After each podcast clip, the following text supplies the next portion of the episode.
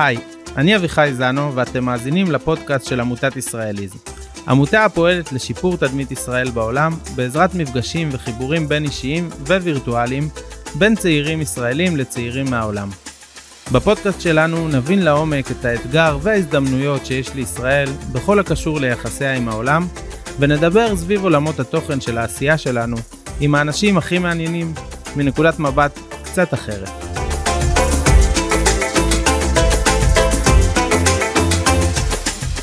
ב-25 באפריל 2015 האדמה רעדה.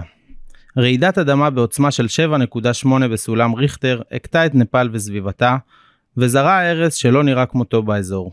כ-9,000 בני אדם נהרגו כתוצאה מהרעידה, שלושה וחצי מיליון אנשים נשארו חסרי בית, והחורבן נראה מכל עבר. סדרה חדשה בנטפליקס בשם Aftershock סוקרת את האסון בשלושה מוקדים קטמנדו, אברסט base camp ועמק הלנגטנג. בעמק הלנגטנג מתמקדת הסדרה בסיפורם של שלושה ישראלים, יובל, יער ושחר, שאחרי שהצליחו לשרוד מול כוחות הטבע, נאלצו לנסות ולשרוד גם מול בני האדם. הסדרה שמציגה באור שלילי את התנהלותם של הישראלים במהלך האסון והניסיון לשרוד, גוררת לא מעט תגובות שליליות כלפי הישראלים וישראל. היום נשוחח עם שחר זכאי, אחד מהשורדים באסון, ומשתתף בסדרה שמאז יצאה מסתובב עם בטן מלאה על הדרך בה הוצגו הדברים. ונשמע ממנו איך חבורת צעירים שהיו במקום הלא נכון, בזמן הלא נכון, חווים אסון של פעם בדור, ועל הדרך סוחבים על גבם תדמית של מדינה שלמה. שלום שחר זכאי. אהלן אביחי. שחר אז אתה כמו רוב הישראלים אה, מסיים שירות צבאי ויוצא לטיול הגדול. נכון אה, אני למעשה סיימתי שירות צבאי אה, של חמש שנים בו הייתי מ"פ בחיל התותחנים. ואחרי שירות באמת ארוך ומתיש שכלל צוק איתן ומבצעים אחרים הרגשתי צורך כמו רבים אחרים לטוס לצד השני של העולם להיות עצמאי אולי בפעם הראשונה ולחפש את החופש הזה שכולם כמהים לו. אז עם מי אתה טס?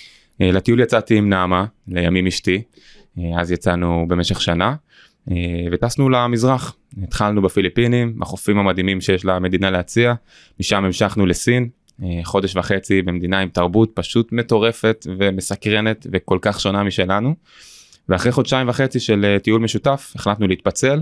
נעמה טסה למשפחה בדרום קוריאה, אביה היה שם בשליחות כשגריר, ואני טסתי לנפאל, לקטמנדו, להיפגש עם שני חברים טובים מאוד, יער ויובל. וכמה ימים לפני סוף הטיול אתם מתלבטים אם לצאת לעוד טרק, ובסופו של דבר מחליטים החלטה שתתברר בהמשך כגורלית. נכון. אז אנחנו בעצם עשינו את רקע אנפורנה ונאלצנו לקטוע אותו באמצע כי הייתה שם סופת שלגים ואנחנו עם הזיכרון של חצי שנה קודם אסון האנפורנה ארבעה ישראלים הרוגים. ביניהם תמר אריאלי נווטת הקרב הדתייה הראשונה בצה"ל. החלטנו שאנחנו לא לוקחים סיכונים מיותרים ואם יש ספק אין ספק והחלטנו להפסיק את האנפורנה אחרי שבוע של טיפוס כשאנחנו מאוד קרובים לפס לשיא של הטיול. לקחנו כמה ימים להתרענן רפטינג וכזה ואז נותר לנו שבוע וניסינו להבין איזה טרק אפשר לעשות בתוך שבוע ואז שמענו לראשונה את השם הלנגטן. ואתם מחליטים לצאת לטרק הזה נכון. אוקיי ואכשיו בוא תיקח אותי ל-24 באפריל איפה אתם נמצאים. אז 24 באפריל היה יום מפרך הוא היה אחרי לילה שלם באוטובוס ישנו על הרצפה של האוטובוס בדרך חזרה לקטמנדו ומקטמנדו לקחנו אוטובוס אוטובוס מצ'וקמה כזה שלוקח אותך לסיאברובסי המקום שממנו מתחילים את הלנגטנג את טרק הלנגטנג הדרך לשם כל כולה מפותלת דרך עפר ואנחנו מגיעים לכפר אחרי כמה שעות טובות של נסיעה כפר ציורי קסום מזג האוויר מדהים אנחנו פוגשים שם עוד ישראלים ועוד חברים. ועכשיו אנחנו בעצם מגיעים ליום שבו אירע האסון רעידת האדמה. השעה חמישה לשתים עשרה. מה קורה? אז בחמישה לשתים עשרה אנחנו נמצאים יישובים אחרי ארוחה בקומה הרביעית בגסטהאוס גסטהאוס שכולו בנוי מעץ. ואנחנו מתחילים לשחק קלפים. ובבת אחת האדמה מתחילה לרעוד והרעידה גדלה ומתעצמת והופכת חזקה יותר ורועשת יותר רעידת אדמה אומרים רעש אדמה כי זה ממש רועש וזה מסוג הרעשים האלה שאתה לא רק שומע אלא גם ממש מרגיש כמו איזה בס. וזה מה שהרגשנו הרגשנו את הרעידה שמענו את הרעידה ומהר מאוד הבנו שזה לא מסוג הרעידות שמלמדים אותך בבית הספר להיכנס מתחת לשולחן אלא רעידה שאתה צריך לרוץ הכי מהר שאפשר ולתפוס מחסה וזה מה שעשינו. כמה זמן הרעידה? אה, קשה לי להעריך, אני מעריך שזה, שזה היה אבל בס- כמה, כמה דקות, אולי 2-3 דקות, אולי קצת יותר. אה, במהלך המבנה רועד לגמרי, אנחנו שומעים רעשים של דברים קורסים, המבנה קורס, הגג קורס, מסביבנו דברים נופלים, הקומקום שהיה על הקיריים נפל לחלוטין, הכיסאות פשוט זזים במקום כמו רוקדים. אה, כן, וירדנו למטה הכי מהר שאפשר. אה, אני אה, ראיתי בסדרה שגם אה, במהלך המנוסה הזאת אחת הקורות נפלה ליובל. נכון, יובל נפגע בראשו במהלך הירידה למטה, התחיל לדמם, בעצם פתח את הראש. כשאני יורד למטה, התמונה שאני רואה זה האדמה עדיין זזה רועדת, דברים קורסים מסביבי ויובל מדמם מהראש לפנים. כן, ואתם יוצאים אה, אה, מהמבנה, בעצם נסים על נפשכם. נכון. אה, זה רגע שכל אחד לעצמו. אה, כשאנחנו נסים אנחנו עוד קצת מתקבצים ככה כקבוצה. אה, והדבר הראשון שאני עושה זה לחפש משהו כדי שנוכל אה, להחזיק את הפצע של יובל, לעצור את הדימום. וכשאני רץ לחבל תלייה שעליו היה, היו מונחים כמה בדים, חבר מאחור צועק זהירות מפולת. אני ככה נושא עיניי לכיוון פסגת ההר שאליה היינו אמורים לטפס ביום שלמחרת ולכיווני דוהרת מפולת אימתנית ענקית הר של שלג אה, במהירות אדירה בגובה שאני בכלל לא יכול לתאר וברוחב של כל ההר. אה, והנקודה הזאת אני בטוח שכשהמפולת הזאת תתפוס אותנו תגיע אלינו אה, כאן נגמר הסיפור של, של שחר בעולם הזה לפחות בגלגול הזה. וזה מגיע ומה אתם כולכם מתכסים בשלג? כשזה מגיע אני הצלחתי להסתתר מאחורי איזה מבנה עץ קטן מחסן עץ אה, ורגע לפני שהסופה פגעה בי אה, היא הביאה איזה הדף ענק כזה שהעיף סלע אל היד שלי שהחזיקה את מכשיר ה-GPS הלווייני שהיה ברשותי וזה מכשיר שעוד נדבר עליו. נכון. אה, זה לא עניין אותי באותו רגע כי לא חשבתי שאני עוד אזכה להשתמש בו. אבל אה, תפסתי ככה את הראש בין הרגליים בשנייה האחרונה התיישבו לידי עוד שני אנשים שלא הכרתי בחורה נפאלית ותייר. ואז בבת אחת המפולת אה, פגעה בי בעוצמה חזקה. והייתי צריך ככה לצבות את עצמי אחרי כמה שניות כדי לראות שאני עדיין בחיים. רק שהמפולת הזאת הפכה עכשיו בן רגע לסופה. והסופה לא נגמרה. ועכשיו היה קשה לנשום כי היה שלג באוויר והיה ערפל ולא ראיתי אולי מטר שניים קדימה. והיה קר, הטמפרטורות צנחו מיד ושלג התחיל להיערם כמו בהילוך מהיר כזה על הרצפה ועל הגוף ופתאום היה חשש נוסף שהמפולת שהפכה לסופה עכשיו תקבור אותי תחתיה אם היא לא תסתיים מהר. אה, דקה עברה זה הרגיש כמו נצח המפולת שהפכה לסופה קצת נרגעה אה, ואז הצלחתי להרים את הראש בפעם הראשונה וכאן נכנס אולי הנס הראשון שכשקמתי על הרגליים הצלחתי סוף סוף לעזור את האומץ לקום מכשיר ה-GPS היה פשוט מונח על השלג ולא קבור תחתיו לא נגבר. נכון. ואתה מחליט לקחת אותו. אני לוקח אותו אבל אה, אני חושב שכולנו מכירים את מרפי והחוקים שלו ואיך שאני לוחץ על כפתור ה-SOS שבשבילו המכשיר הזה קיים אה, נגמרו הסוללות. או, אז לקחתי אותו איתי התחלתי לחפש את החברים בתוך כל הכאוס הזה שהיה סביבנו שלג בכל מקום ממש לא היה לא, לא היה לא הייתה טיפת שלג לפני כן ומאותו רגע שלג שהגיע לקומות השלישיות והרביעיות במבנים הכל הרוס הרס מוחלט אה, ולגמרי לא לא ידענו למה לצפות לא ידענו איך אנחנו נערכים לסיטואציה הזאת עברנו לסיטואציה של אה, אה, סיטואציה הישרדותית אה, מ-0 ל-100 מה שנקרא בצבא. היו שם פצועים, הרוגים? אז היה קשה לראות, ניסינו להבין רגע מה הסיטואציה, הנפאלים היו שבורים לחלוטין, נשים שם אה, נפלו על הברכיים למראה האסון והבתים שלהם והפרנסה שקרסה, אה, קרעו את הבגדים, בכו, ניסינו ככה להרים אותם קצת אבל זה היה פשוט בלתי אפשרי. אה, וכן ניסינו לטפל קצת באנשים שנפגעו, בעיקר פגיעות יבשות, פגיעות קור, ככה אספנו כמה אנשים לאיזה גסטהאוס שמצאנו פתוח ונתנו להם בגדים חמים, כפפות, כובעים. וגם טיפלנו ביובל והכנסנו סוללות למכשיר, שידרנו אות מצוקה לארץ. אה, אז כמו שאמרת אתם בעצם עושים איזשהו shift בראש ועוברים למצב הישרדותי אה, ומהר מאוד אתם מבינים שאתם לא, לא יכולים להישאר שם אתם חוששים אה, מרעידות נוספות ומחליטים לנסות ולהציל את עצמכם. אה, נכון, הייתה דילמה מאוד גדולה בין אה, חבורת ישראלים, אז התכנסנו לכדי אה, 12 ישראלים, שתי אוסטרליות שהתווספו לקבוצה ושלושה פורטרים, מדריכים סבלים מקומיים שליוו אותנו. ואנחנו צריכים לקבל החלטה, האם אנחנו יורדים מההר שאנחנו אה, פחות או יותר יודעים מה קרה שם, מה, מה סדר הגודל של האסון, או שאנחנו יורדים מטה לכפר אלנגטנג, אותו כפר שממנו יצאנו באותו הבוקר. כפר גדול, יש בו רופאה שתטפל ביובל, יש בו חיילים שבטח יכלו לעזור לנו ליצור קשר, אה, ובסופו של דבר אנחנו מקבלים החלטה אה, מושכלת אה, שהייתה יכולה לחרוץ את גורלנו, ויורדים למטה. וביחד הלכנו כל החבורה הזאת. אז אנחנו מדברים בערך על 15 אנשים שיוצאים למסע הזה, נכון. לעבר החזרה לכפר אלנטנג. נכון. ואתם יוצאים למסע, אה, כמה זמן זה? אה, המסע ארך כמה שעות, אה, סך הכל את הדרך הזאת עשינו באותו היום בתנאים הרבה יותר טובים מן הסתם. עכשיו לא היה אפשר לראות את השביל כי הוא כוסה שלג ובוץ. אם לא היה מלווה אותנו פורטר אני לא יודע איך היינו מצליחים לעשות את זה. רעשים של רעידות משנה כל הזמן, סלעים שממשיכים להידרדר. חילקנו מספרי ברזל ככה כמו שלימדו אותנו בצבא כי ממש לא יכולנו לראות כמה מטרים קדימה. אה, וכל הזמן חיפשנו לאורך הדרך איפה המקום הבטוח שבו אוכל להסתתר כשתהיה רעידה נוספת.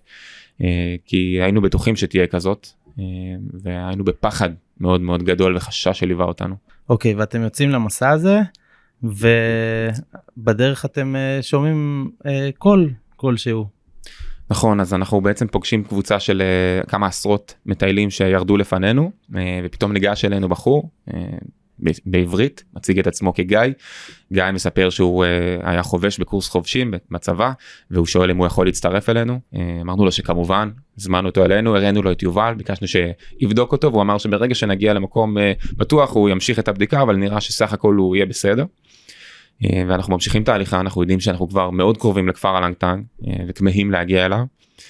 רק שאז אני שומע עוד קול הפעם זה קול עמום יותר קול מוזר ואני פונה ליובל שהלך לידי ושואל אותו אם הוא שומע גם הוא את הקול. אה, יובל אומר שכן ובטח זו חיה פצועה בוא נמשיך ללכת. רק כשאנחנו ממשיכים ללכת הקול מתחזק והקריאות נהפכות ברורות יותר ואנחנו שומעים קריאות לעזרה help. אני מסתכל ימינה ורואה בית אה, הרוס לגמרי בצד הדרך אני זורק את התיק הצידה ורץ לתוך המבנה. המבנה באמת קרס כמעט לחלוטין הגג שלו נפל אבל על המיטה הייתה אה, שכובה בחורה הולנדית אה, בת 65 בערך והיא סבלה מפגיעות מאוד מאוד קשות בפנים חבלות פגיעות פנימיות בבטן יכולתי לראות את זה והיא קראה לעזרה. ניסיתי להרגיע אותה ולהגיד שיהיה בסדר אבל מהר מאוד הקול אה, והשפה האנגלית התחלפו לשפה הגרמנית. יצאתי החוצה קראתי לגיא החובש ושאלתי את התיירים שהלכו מאחורינו אם הם דוברים גרמנית ויכולים לעזור לנו. אה, אף אחד לא התנדב וככה מצאנו את עצמנו חמישה שישה ישראלים אה, מאלתרים אלונקה ופשוט סוחבים אותה על הגב כי גיא אמר שאם היא לא תגיע לבית חולים או לרופא בשעות הקרובות היא לא תשרוד. אתם, אה, יש דיון על זה, או שזה ברור לחלוטין שאתם אה, עכשיו לוקחים אותה? אם אני זוכר נכון היה דיון קצר אבל בסוף בתור אדם זה או שזה ברור לך שלא משאירים פצועים בשטח או שלא. אה, אפילו אם זה לא היה מה שנקרא מכוחותינו. אה, ובמצב הישרדותי אני לא כועס על אף אחד ש, אה, שבחר לא לקחת בין אם הוא ישראלי ובין אם לא. אבל בסופו של דבר חבורה של שישה ישראלים בחרה שלא להשאיר אותה מאחור, סחבה אותה על הגב בתנאים בלתי אפשריים. עד שאחרי כמה מאות מטרים נתקלנו במפולת שלגים שאותה לצערי לא, לא הצלחנו לעבור כשהיא על הגב שלנו ניסינו סחיבת פצוע ניסינו כל מיני סחיבות. בסופו של דבר היא החליקה ובאחת הפעמים גיא החובש נאלץ לקבוע את מותה בשטח. וואו. אה, אה, איך ממשיכים הלאה? אה, אז גם כאן המוד ההישרדותי עוזר לך לפעול ולקבל את ההחלטות הנכונות. השארנו אותה מאחור לצערי אבל הפעם זה היה ברור שאנחנו לא מסכנים את עצמנו. והמשכנו ללכת המשכנו ללכת ידענו שהכפר קרוב וזה מה שנתן לנו את התקווה. ואתם ממשיכים ומגיעים להר שמעל הכפר? נכון הייתה איזה שלוחה כזאת מעל מעל כפר אלנגטן כבר ידענו שאנחנו ממש קרובים הכפר אם היינו יכולים לראות זאת אומרת אם הרעות הייתה מאפשרת היינו צריכים לראות כבר את הכפר מתחתנו. והיה מבנה מאבן שהגג שלו קרס אבל המבנה עצמו נשאר יציב ומסביב למבנה עשרות אנשים נפאלים ובעיקר תיירים מכל העולם. כשאנחנו ככה מנסים להבין מה קורה סביבנו מגיע הפורטר שלנו בחור בשם דיל עם עיניים דומעות ואומר לנו ש... הכפר נחרב לחלוטין תחת מפולת שלגים ורעידת אדמה שקברו אותו ואין ניצולים. אה, ושם גם מתכנסים אה, אה, עוד מטיילים כי בעצם המבנה הזה הוא חשוב כי הוא מאבן והוא יכול לשמור עליכם ממפולות או רעידות משנה.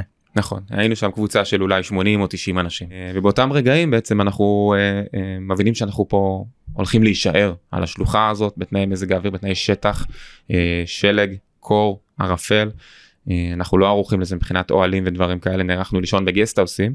כל אחד ככה מקבל אחריות אחרת חלק אוספים את האוכל וחלק מים וחלק עצים ללילה.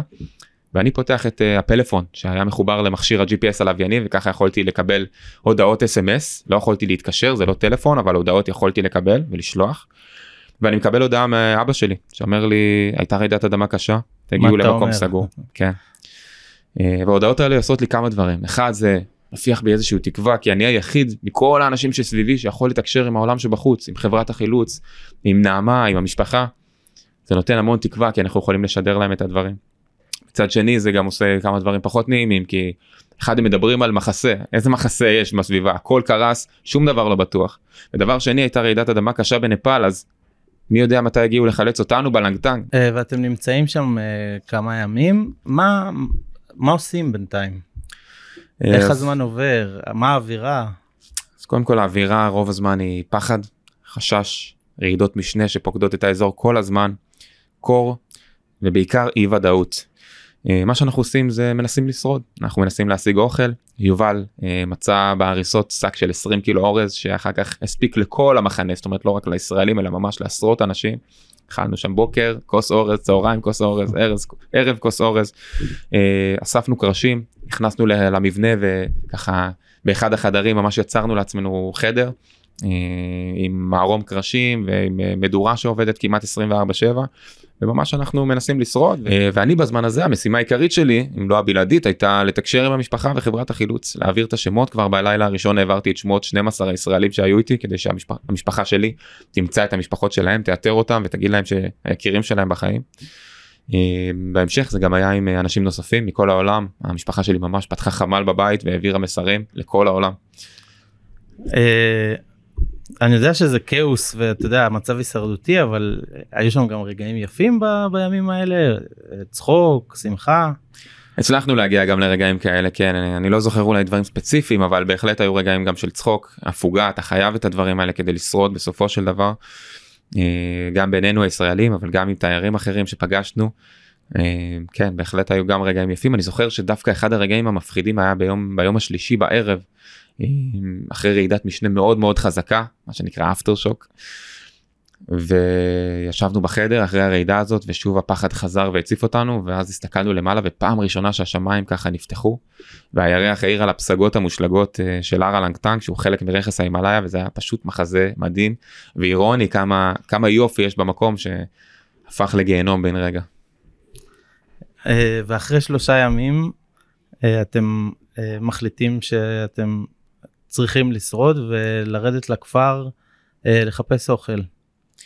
נכון ביום השלישי יער ניגש אליי ואומר לי שהוא מתכנן לרדת לכפר אה, עם משלחת של כמה אירופאים שיוצאת כדי לחפש אוכל אולי ציוד חם ודברים שיעזרו לנו לשרוד כי ממש לא ידענו כמה זמן אנחנו הולכים להישאר על ההר.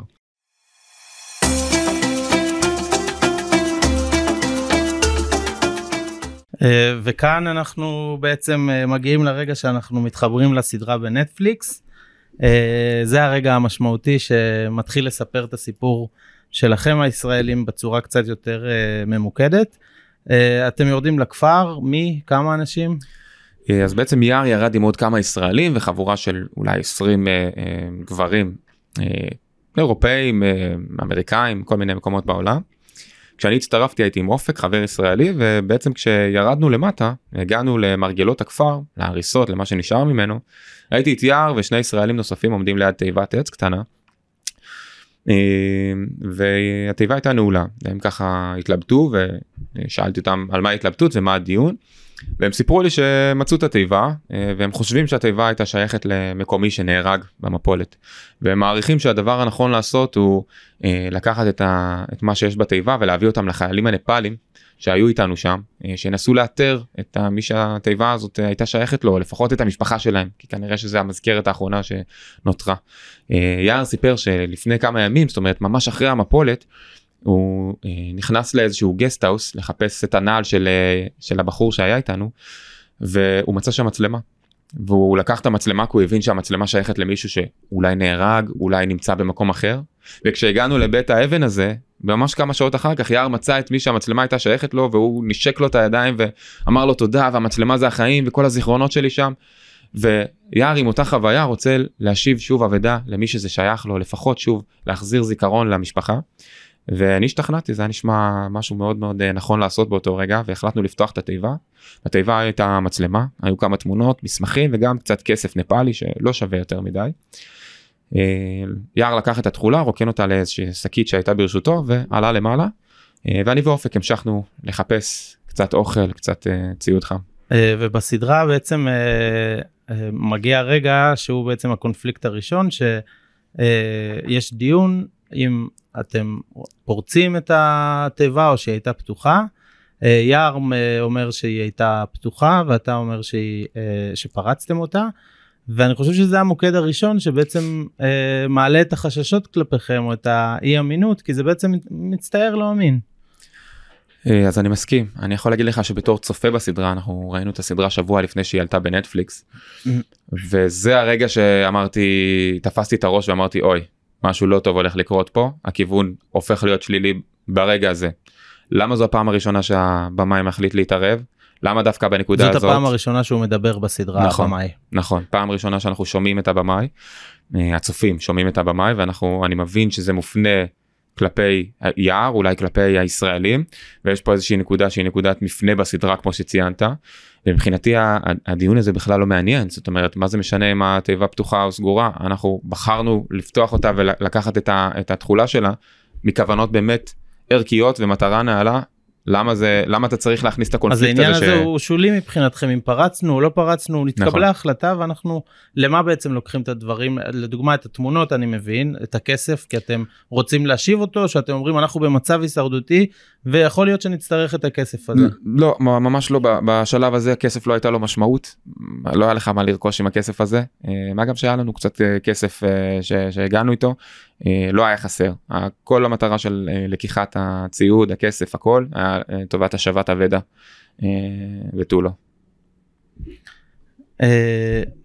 אוקיי ובאמת כמו שאמרת אתם לוקחים את כל התכולה וגם את התמונות. אה, ומתחילים אה, בחזרה לכפר אה, ושם מתחיל בלאגן. נכון אז uh, בגלל שאני פה אני אספר את הדברים מנקודת המבט שלי uh, יער בעצם בדיוק סיים את המשלחת שלו לקח את הדברים ועלה ואני עוד קצת המשכתי להסתובב בכפר ולחפש דברים ואחרי רבע שעה בערך התחלתי את העלייה למעלה חזרה למבנה ופגשתי חייל נפאלי שהגיע במסוק אלינו יומיים קודם לכן יחד עם שלושה נפאלים. הם היו נראים כועסים והם פנו אלינו ובכעס שאלו מה אנחנו עושים פה אז הסברנו שאנחנו שם רק כדי למצוא ציוד חם, אוכל ו- וכולי.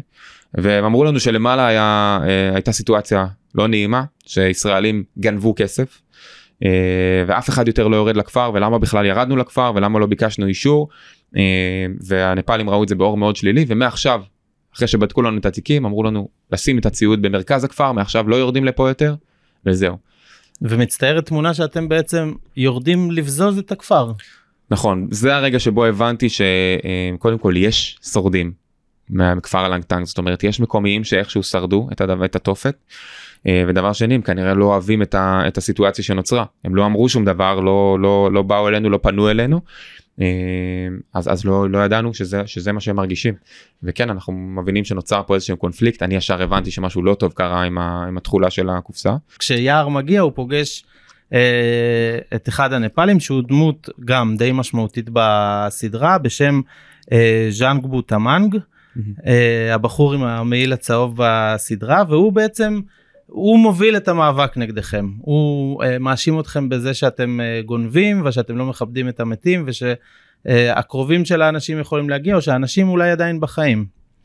נכון ז'אנג בו גם בסרט גם בסדרה אה, מוצג כמנהיג המקומיים וזה גם מה שקרה בשטח הוא הפך בן רגע למנהיג שלהם. אה, הוא, אה, הוא זה שהוביל את האפשר לקרוא לזה מאבק נגדנו. ובסדרה הוא ממש מספר דברים שמבחינתנו לא קרו. זאת אומרת הוא מספר בסדרה איך הוא הגיע ליער ואמר לו מה זה השקית הזאת? למה לקחת את זה? זה שייך למקומי? הוא מציג שם שיער אמר לו שזה שייך לתייר וזה לא נכון. עכשיו הסיטואציה הזאת לא התרחשה בפועל, יער לקח את השקית והביא אותה לחיילים ואמר להם מצאתי את זה, בבקשה תמצאו למי זה שייך. זאת אומרת ממש ככה. אני לא יודע למה אותו ז'אנגבו בחר uh, לסלף את המציאות, אולי זה הזיכרון שככה נצרב אצלו בראש uh, עם השנים, ואולי הוא רוצה להציג איזשהו קו כדי שיבינו למה הוא התנהג בצורה אלימה כפי שתכף נציג שהוא התנהג. Uh, הוא ניסה אולי uh, ככה להסביר למה זה, למה, למה זה, להצדיק את ההתנהגות הזאת האלימה. הוא גם מספר שהוא ניסה למשוך ליער את השקית מהיד ויער לא נתן לו ושוב הסיטואציה הזאת פשוט לא קרתה ולא התרחשה. אבל בסדרה אם אנחנו חוזרים לסדרה אז את הסיטואציה הזאת ואת הסיפור שלא הציגו ואת הסיפור שלנו את הצד של יער לא הציגו בחרו להתעלם מזה לחלוטין. ואחרי כמה אה, דקות שעות מגיע אה, בן משפחה של מי שהתיבה הייתה שלו והחפצים אה, שייכים לו והוא עצבני. נכון אז זה קרה ממש אחרי כמה דקות. הגיע כנראה איזשהו קרוב משפחה אה, ושאל את אותו מנהיג מקומיים ז'אנגבו למה לקחו? וז'אנגבו ישר הפנה אותו כלפי הישראלים ש, שגנבו. אה, וכל ניסיון להסביר אה, לא צלח. למה לקחנו ובכלל למה היינו שם והם פשוט לא הקשיבו. ובאותו רגע אותו בחור אוסף כמה מקומיים והם ניגשים לישראלים ועוד כמה תיירים שהיו איתנו ופשוט מתחילים אלימות מאוד מאוד קשה עם מקלות ואבנים ודחיפות וחניקות. היה להם מבט של רצח בעיניים. אה, יש תמונות שמראות איך הישראלים ככה מרימים ידיים לא מבינים מאיפה הדבר הזה נפל עליהם מנסים רק להסביר את עצמם את עצמנו איך נקלענו בכלל לסיטואציה, לסיטואציה הזאת זאת אומרת עד עכשיו אה, נלחמנו מול הגורם של הטבע והסכנה ורעידות משנה ופתאום גורם אה, מסוכן לא פחות ואולי גם מפתיע לא פחות בדמות הגורם האנושי.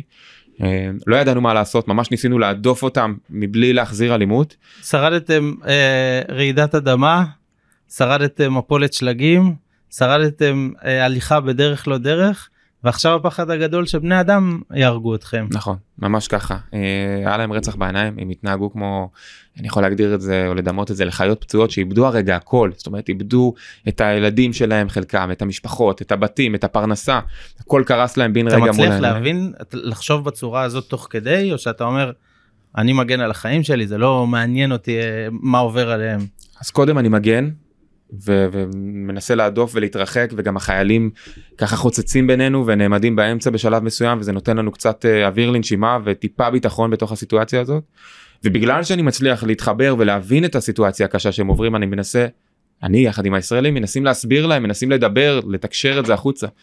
אבל יש פה גם פערי תרבות מאוד גדולים ויש פה גם פערי שפה ויש פה גם אנשים שאיבדו הכל ברגע אחד אה, ושיח לא הייתה אופציה במקרה לא היה אופציה במקרה הזה. אה, ולמזלכם באמת החיילים אה, נמצאים שם ומצליחים להפריד אבל מאותו רגע אתם אה, מנודים ב, ב, באזור הזה.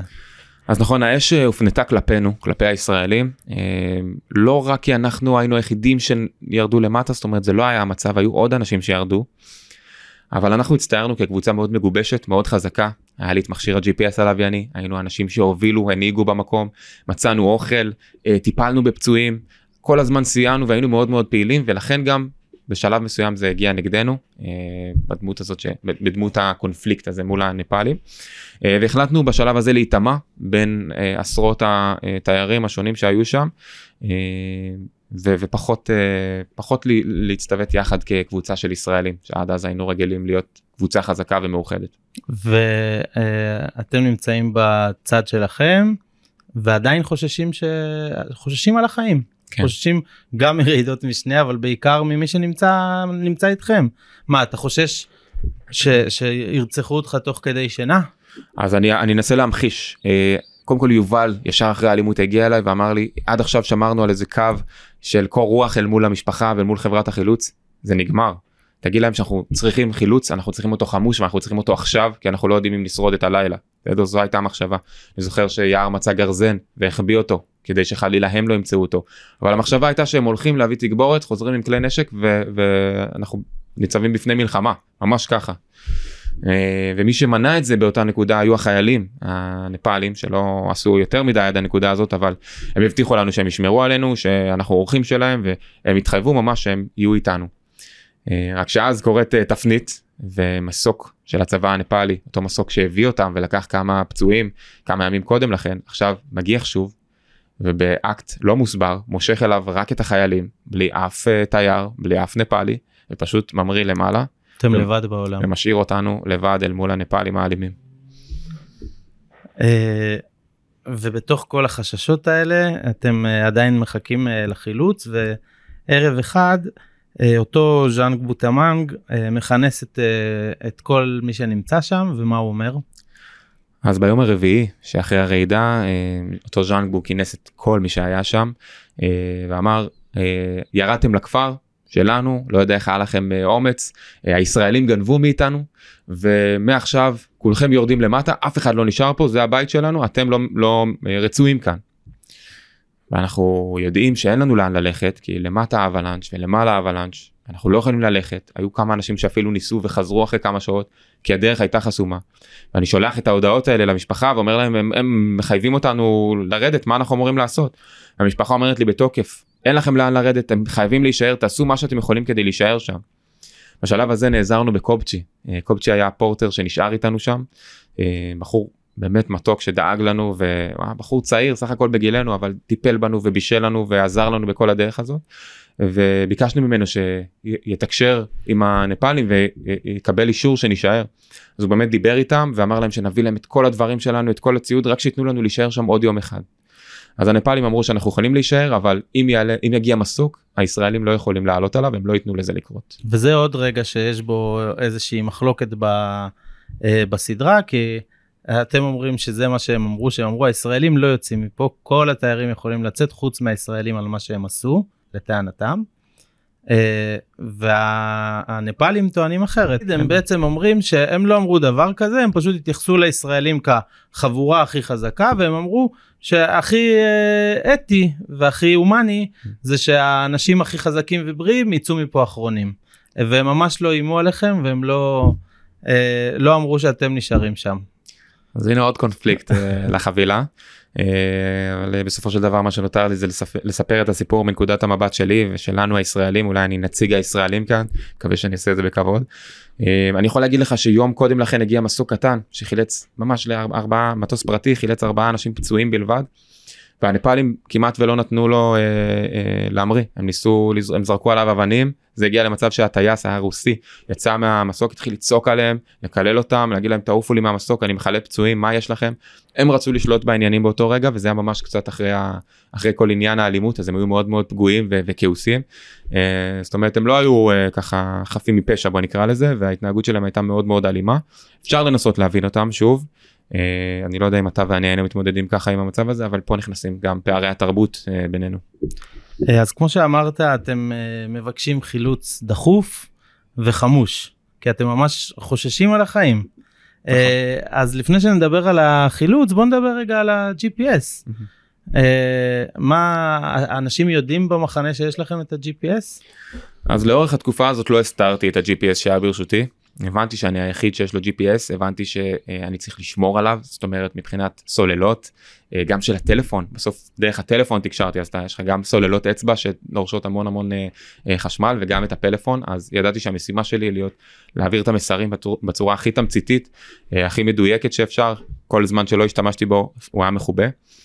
אה, אבל לא הסתרתי אותו זאת אומרת עשיתי את זה מחוץ למבנה הייתי צריך אה, קו חשוף לשמיים בגלל הלוויינים וכל מי שהגיע יכל שאל התעניין אה, בשלב הראשון זאת אומרת בערב הראשון העברתי את השמות של כל הישראלים שהיו איתנו בימים שלאחר מכן העברתי שמות של תיירים מכל העולם כפי שציינתי קודם. אבל התפנית הייתה אחרי היום השלישי ששם חווינו אלימות ושם חששתי שהנפאלים ירצו לקחת לנו את המכשיר הזה שהוא בעצם אמצעי הקשר היחיד שלנו עם העולם החיצון וה... כרטיס ביטוח שלנו כן הפוליסת ביטוח שלנו אל מול אה, חברת החילוץ שככה נצא משם. אה, אז אני האמת קצת מופתע ממה שאתה אומר כי אה, אה, מה שמופיע בסדרה זה שממש עוסקים בזה בדקה ומה שמצטער זה שאתם שמרתם את המכשיר לעצמכם ואף אחד לא ידע ולא אה, לא נתתם לאף אחד להשתמש ואותו אה, ז'אנגבו המפורסם אומר שזה בעצם מעשה מאוד לא מוסרי כי יש שם עוד לא אנשים. לא מוסרי, נכון. אמר את זה. אה, כי יש שם עוד אנשים ש, שרוצים לתקשר עם המשפחות שלהם, להודיע שהם בחיים, או לבדוק אם המשפחות שלהם בחיים, ואתה אומר, זה לא היה בכלל. נכון, אה, באמת נפאלים לא פנו אליי, אה, ואני לא יצרתי פנייה יזומה, בעיקר בגלל, אה, בגלל החשש של הסוללות. בעצם, באמת באמצע, באמצע כל התהליך הזה, כל האירוע הזה, נגמרו לי הסוללות במשך כמה שעות טובות עד שמצאתי סוללות, מ... אפרופו בחור נפאלי, לא, לא הייתה לי דרך להפעיל את המכשיר, וזה היה בדיעבד שעות מאוד מאוד שעות מאוד מאוד קשות בארץ שפחדו שקרה לנו משהו. אז לשמור על המכשיר ולהעביר את המסרים זה כל הזמן היה צריך לעבור דרכי מבחינתי. ומי שפנה אליי עשה את זאת בשמחה עשיתי זאת בשמחה אה, והנפאלים באמת לא לא פנו אליי אה, וביום השלישי כבר זה, זה הגיע ממני זאת אומרת אמרתי אני יותר מסתיר את זה יותר מכונס. אני יכול להגיד לך שלפני חודש אחרי שהסדרה כבר יצאה פנה אליי בחור נורבגי אה, שבקושי זכרתי אפילו את התקשורת איתו אבל הוא היה איתנו שם על ההר. והוא אמר לי שהוא ראה את הסדרה והוא אה, כעס מאוד על הדרך שבה הציגו אותנו בסדרה הזאת כי לא כך הוא זכר את, ה, אה, את הפעולות שלנו לאורך הזמן והוא אפילו זוכר שאני העברתי את השם שלו לאחיו לאבא שלי שיצר קשר עם אחיו בנורבגיה שבקושי ידע לדבר אנגלית אבל הוא העביר לו את המסר שאח שלו בחיים. אה, והוא רוצה להגיד לי אחרי שבע שנים תודה על זה. אה, אוקיי אז אה, נחזור אה, להודעה שאתם שולחים ב-GPS ואתם אומרים למחלץ להגיע דחוף וחמוש והוא מגיע עם המסוק יורד מהמסוק ואתה רואה שהוא לא חמוש. אז באמת הגיע מחלץ, אה, הגיע בחור, עוד לא ידענו מי זה, והוא נעמד ככה לפני כולם, קודם כל אה, ז'אן גבור רץ אליו, הם מחליפים כמה מילים, ואז הוא מגיע לכולם, ואנחנו מסתכלים לראות מי האדם המוזר שירד מהמסוק, שכולם רק רוצים לעלות על המסוק, אה, והדבר הראשון שהוא אומר זה, חבר'ה, הגעתי לחלץ את כולם. ואז הוא פונה אלינו בעברית ושואל, יש פה ישראלים? אתם אלה עם המכשיר?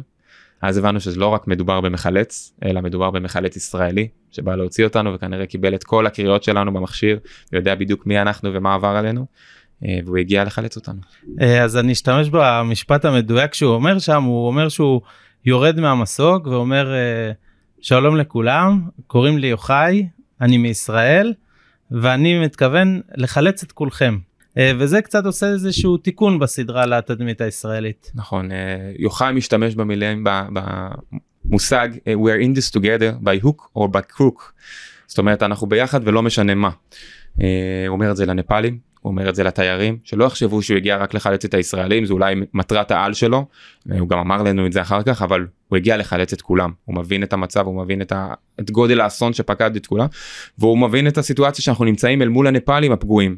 אה, ולכן חשוב לו מאוד ברמה המנטלית אה, והמנהיגותית להגיד שהוא הגיע לחלץ את כולם. איך זה פתאום לשמוע עברית מה התחושות באותו רגע שאתם רואים אותו?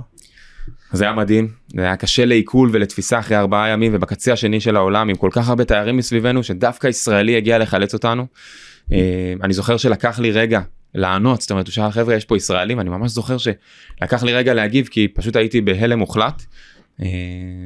ובסוף אמרנו לו שזה אנחנו ואנחנו עם המכשיר והוא ידע בדיוק על מה מדובר והוא קיבל את כל ההודעות שלנו. אה, זה היה מדהים זה היה רגע מדהים. אה, ואתם אה, עולים על הטיסה איך זה התנהל כמה אנשים בטיסה אז הוא עשה נגלות. אז אז אני חייב לומר שאני לא הייתי על הטיסה עם רוב האנשים בעצם בערב הרביעי בלילה הרביעי והאחרון כנראה איבדתי את ההכרה התייבשתי נפלתי והדבר הבא שאני זוכר זה שעומדים מעליי ככה חברים ומשקים אותי ונותנים לי אוכל. אה, ובבוקר שהפציע סוף סוף השמיים אה, נפתחו ומסוקים התחילו להגיע אחד אחרי השני והמסוק של יוחאי חזר ירד ממנו מחלץ אחר בשם דורון הראל אה, מטפס הישראלי הראשון לאברסט השם, השם מוכר משם. ויוחאי עלה על המסוק אמר לי שגם אני עולה בגלל שהתייבשתי בהתחלה סירבתי החברים לקחו אותי בכוח פחות או יותר ועליתי על המסוק כשלידי יושב לא אחר מאשר אותו ז'אנגבו ואני הגוף חלש מאוד ואני בראש רק רוצה ככה להחזיר לו על כל מה שהוא עשה לנו. אה, אבל אני שותק והוא שותק ואנחנו ממריאים והמסוק עולה מעל החורבות של כפר לנגטנג אה, וז'אנגבו מתחיל אה, לדמוע העיניים שלו זולגות. הצלחתי לגלות קצת אמפתיה ברגעים האלה לצד הכעס הכבד שהיה לי כלפיו. ובעצם חולצתי או פוניתי יותר נכון לבית חולים שהוא בתוך בסיס אה, קרוב בסיס של הצבא הנפאלי. אתה זוכר את הטיסה יצא לך להציץ מהמסוק ול... אני זוכר את הטיסה במעורפל אבל אני זוכר ההרס היה מטורף. זהו זה הרגע שאחרי שאתה אתה יודע היה את הרגע שלכם של הרעידה שהבנתם שקורה משהו גדול ואז אחר כך הגעתם לכפר אלנטנג וראיתם אותו שהוא הרוס לחלוטין, נכון. אבל נראה לי שהטיסה הזאת היא בעצם האפשרות להבין שזה משהו הרבה הרבה יותר גדול מהרעידה או מהכפר עצמו. נכון, בטיסה בעצם אני מצליח לראות את הנהר שצמוד לכפר, ובתוך הנהר כמו סכר, כל הכפר קרס לתוכו, הבתים, אה, עצים, אפילו גופות הצלחתי לראות שם, פשוט כפר שלם שנשטף לתוך הנהר הזה, זה היה מחזה מאוד מאוד קשה. אז uh, פה בעצם uh, נגמר הסיפור שלכם. Uh, בוא נדבר רגע על הסדרה. מה, מה הטענה שלך כלפי יוצרי הסדרה? אז קודם כל אני חושב שהבמאי חוטא לאמת הוא מנסה להציג פה סיפור אה, דרמטי שלא לצורך הוא מתמקד בדברים כן, הלא לא, נכונים. לא חסר פה דרמה. לא חסר דרמה אבל רק שהוא אה, רק שהוא לקח את הדרמה לכיוונים אחרים זאת אומרת לכיוון הרייטינג לכיוון הצהוב. אה, לנו נאמר שהסדרה הזאת הולכת לעסוק במקומיים בסיפור שלהם בטרגדיה שלהם דובר פה בטרגדיה ענקית כפר שלם מקסים עם מאות uh, תושבים פשוט נמחק כלא היה ובמה הוא מתמקד בתיבה אם היא הייתה פתוחה או לא הייתה פתוחה ולא בכעס בעצב בטרגדיה הזאת של המקומיים ומה הם נאלצו לחוות. וגם בהרבה דברים טובים שעשיתם נכון כמו שאמרת טיפלתם נכון. שם באנשים ריכזתם הרבה דברים שקרו ב... אה, נכון מדובר בסיפור מאוד מאוד אישי סיפור טראומטי שאני סוחב איתי עד היום והוא פשוט לקח אותו והפך אותו לסיפור שהוא שהוא לא. וממה, ו- ולא רק שהוא עשה את זה הוא גם השתמש בקטעים שלי שאני דיברתי באמצעות כמובן עריכה מגמתית אה, כדי להציג אותם באור שונה לחלוטין. הוא בחר איפה כן ל- להקרין את הקטעים שאמרתי ואיפה לא להשמיע אותם אה, ובעצם אה, סוג, שם לי סוג של אה, מחסום על הפה או אפילו יותר גרוע הוא השתמש במילים שלי כנגדי הרבה פעמים אה, וכדי לייצר את הדרמה הזאת שהוא חיפש אה, וכמו שאמרתי קודם אני חושב שהוא אה, ידע בדיוק מה הוא עושה. אני חושב שהנרטיב היה ברור אה, לאותו במאי. הוא רצה לייצר פה משהו כנגד הישראלים. זה אה, מאוד צהוב זה הרבה אה, הרבה קהל יש לזה לצערי בעולם. אה, וזה מה שהוא עשה. אה, ובמקום להציג פה נרטיב מורכב עם קונפליקט מאוד מאוד מורכב בסיטואציה מורכבת הוא בחר להראות את הדברים בפשטות צודקים לא צודקים אה, עושקים ונעשקים וניסה לייצר לצופה אה, להקל עליו מה שנקרא ולא לייצר לו מורכבות אלא להראות לו ככה קרו הדברים אה, למרות שזה הרבה יותר מורכב מזה כמו שהבנתם. ויש איזושהי מישהי צרפתייה שראתה את הסדרה ואמרה אני קשה לי להאמין שזה מה שקרה. נכון אז זה סיפור מקסים אה, קיבלתי הרבה פניות אחרי הסדרה הזאת אה, אחת מהן הייתה מבחורה בשם אן צרפתייה ישראלית שהיה לה מאוד מאוד קשה אה, לראות את הסדרה הסרט אפטר שוק הגיע למסכים בנטפליקס בשישי לאוקטובר 2022. באותו יום בדיוק עמדנו לנסוע לטרק בלנגטנג.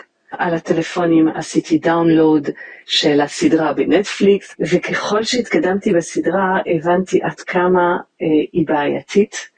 אה, והחלטתי שכמובן אני אנסה לראות בעצמי את המקומות ואת הנפשות הפועלות. אז המפגש שלי הראשון היה כשהגענו ל- לכפר אה, קיאנג'ין גומפה, ושם הנחיתה שלנו הראשונה הייתה אצל אה, איש מדהים, שלא מופיע בסרט, למרות שהוא מסתבר התראיין שעות, ואפילו נסע שלושה ימים לקטמנדו, עמד על אותו שרברב מול המצלמות, ופשוט בעריכה הבמאי מחק אותו לגמרי. האיש הזה זה הרופא, הוא מאוד מאוד ידוע, כולם שואפים להגיע למאפייה שלו, קוראים לו לפקה תמאנג, יש לו אפילו חשבון ב...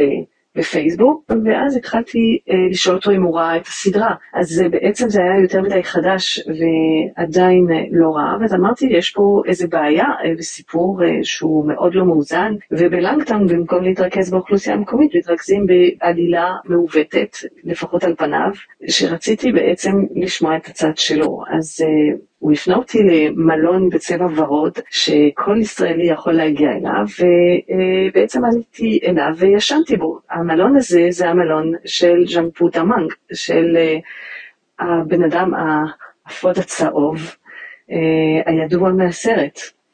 אז הצגתי את עצמי אליו אה, וישבתי איתו בתור לא ישראלית אלא צרפתייה, ולאט לאט ניסיתי לדובב אותו קצת. הוא בן אדם מאוד בודהיסט, מאוד מאמין.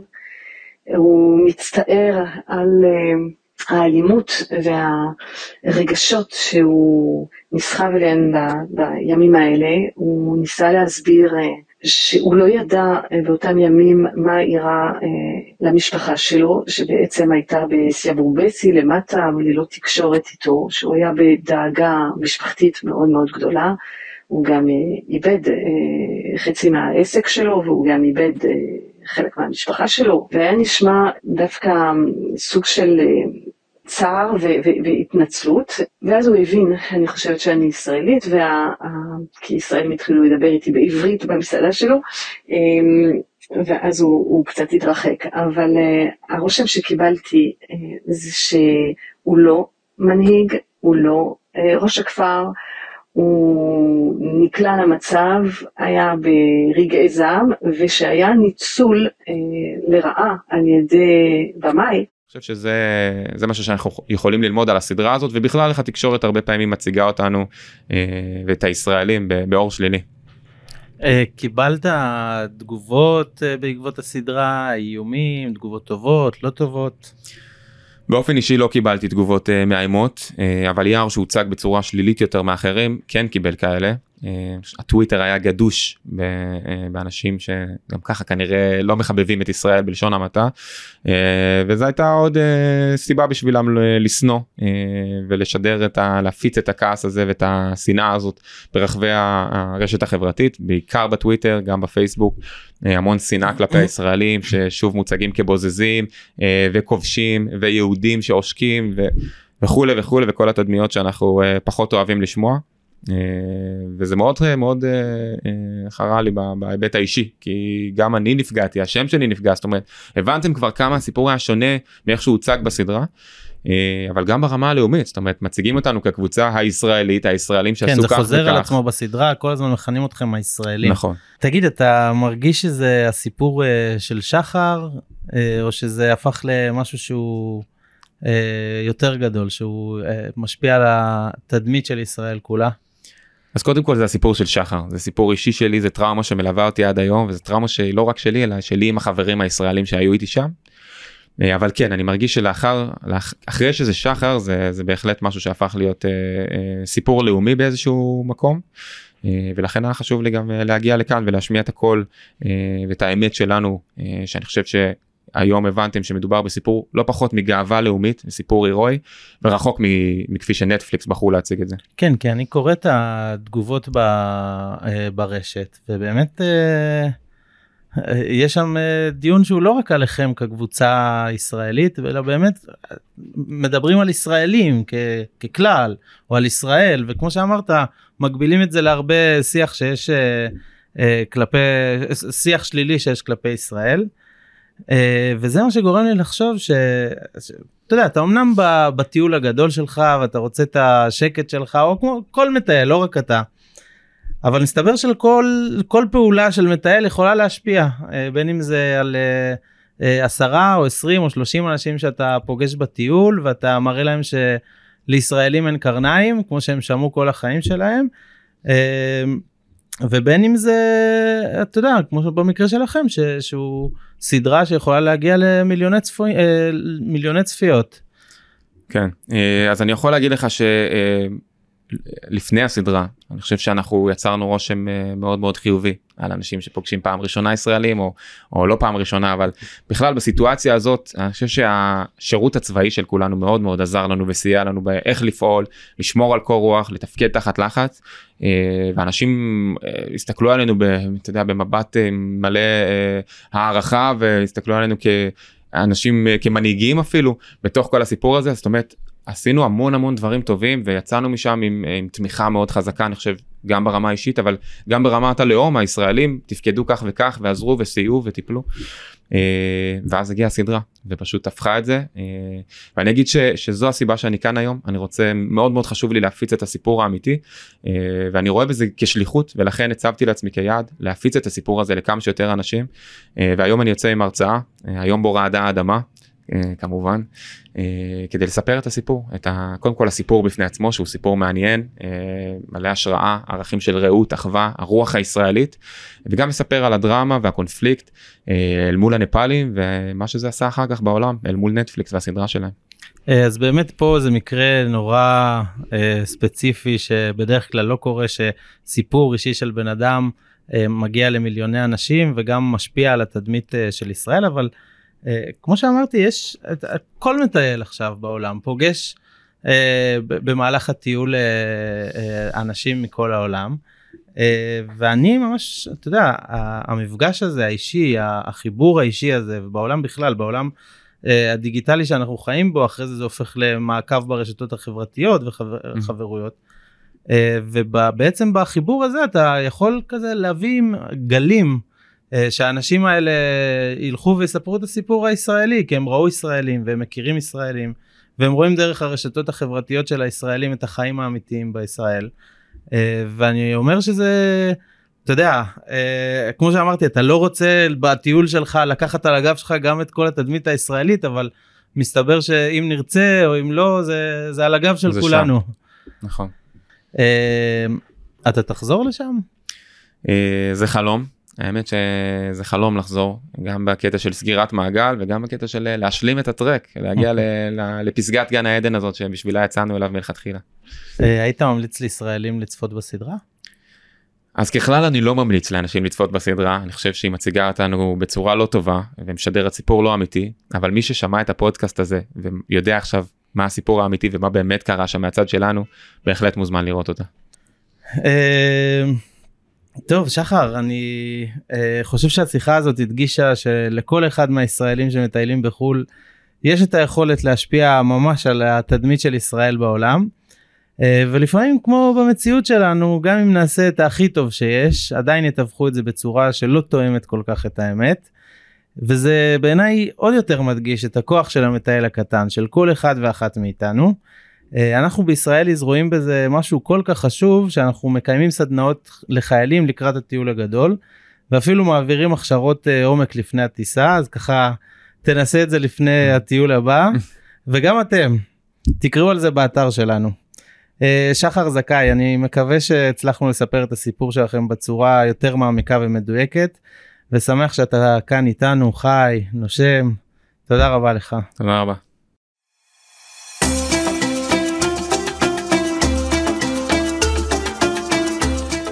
עד כאן עוד פרק של ישראליז. תודה רבה שהאזנתם לנו. מוזמנים ומוזמנות לשמוע אותנו גם ב-Spotify, Apple Podcast, Google Podcast ובכל אפליקציות ההסכתים. אפשר למצוא אותנו גם באתר שלנו israeliz.org וגם לתת לנו לייק ברשתות, בפייסבוק, טוויטר, אינסטגרם וטיק טוק. ואם אהבתם את הפרק, אתם מוזמנים גם לדרג את הפודקאסט שלנו ולשלוח לחבר או חברה. ניפגש בפרק הבא.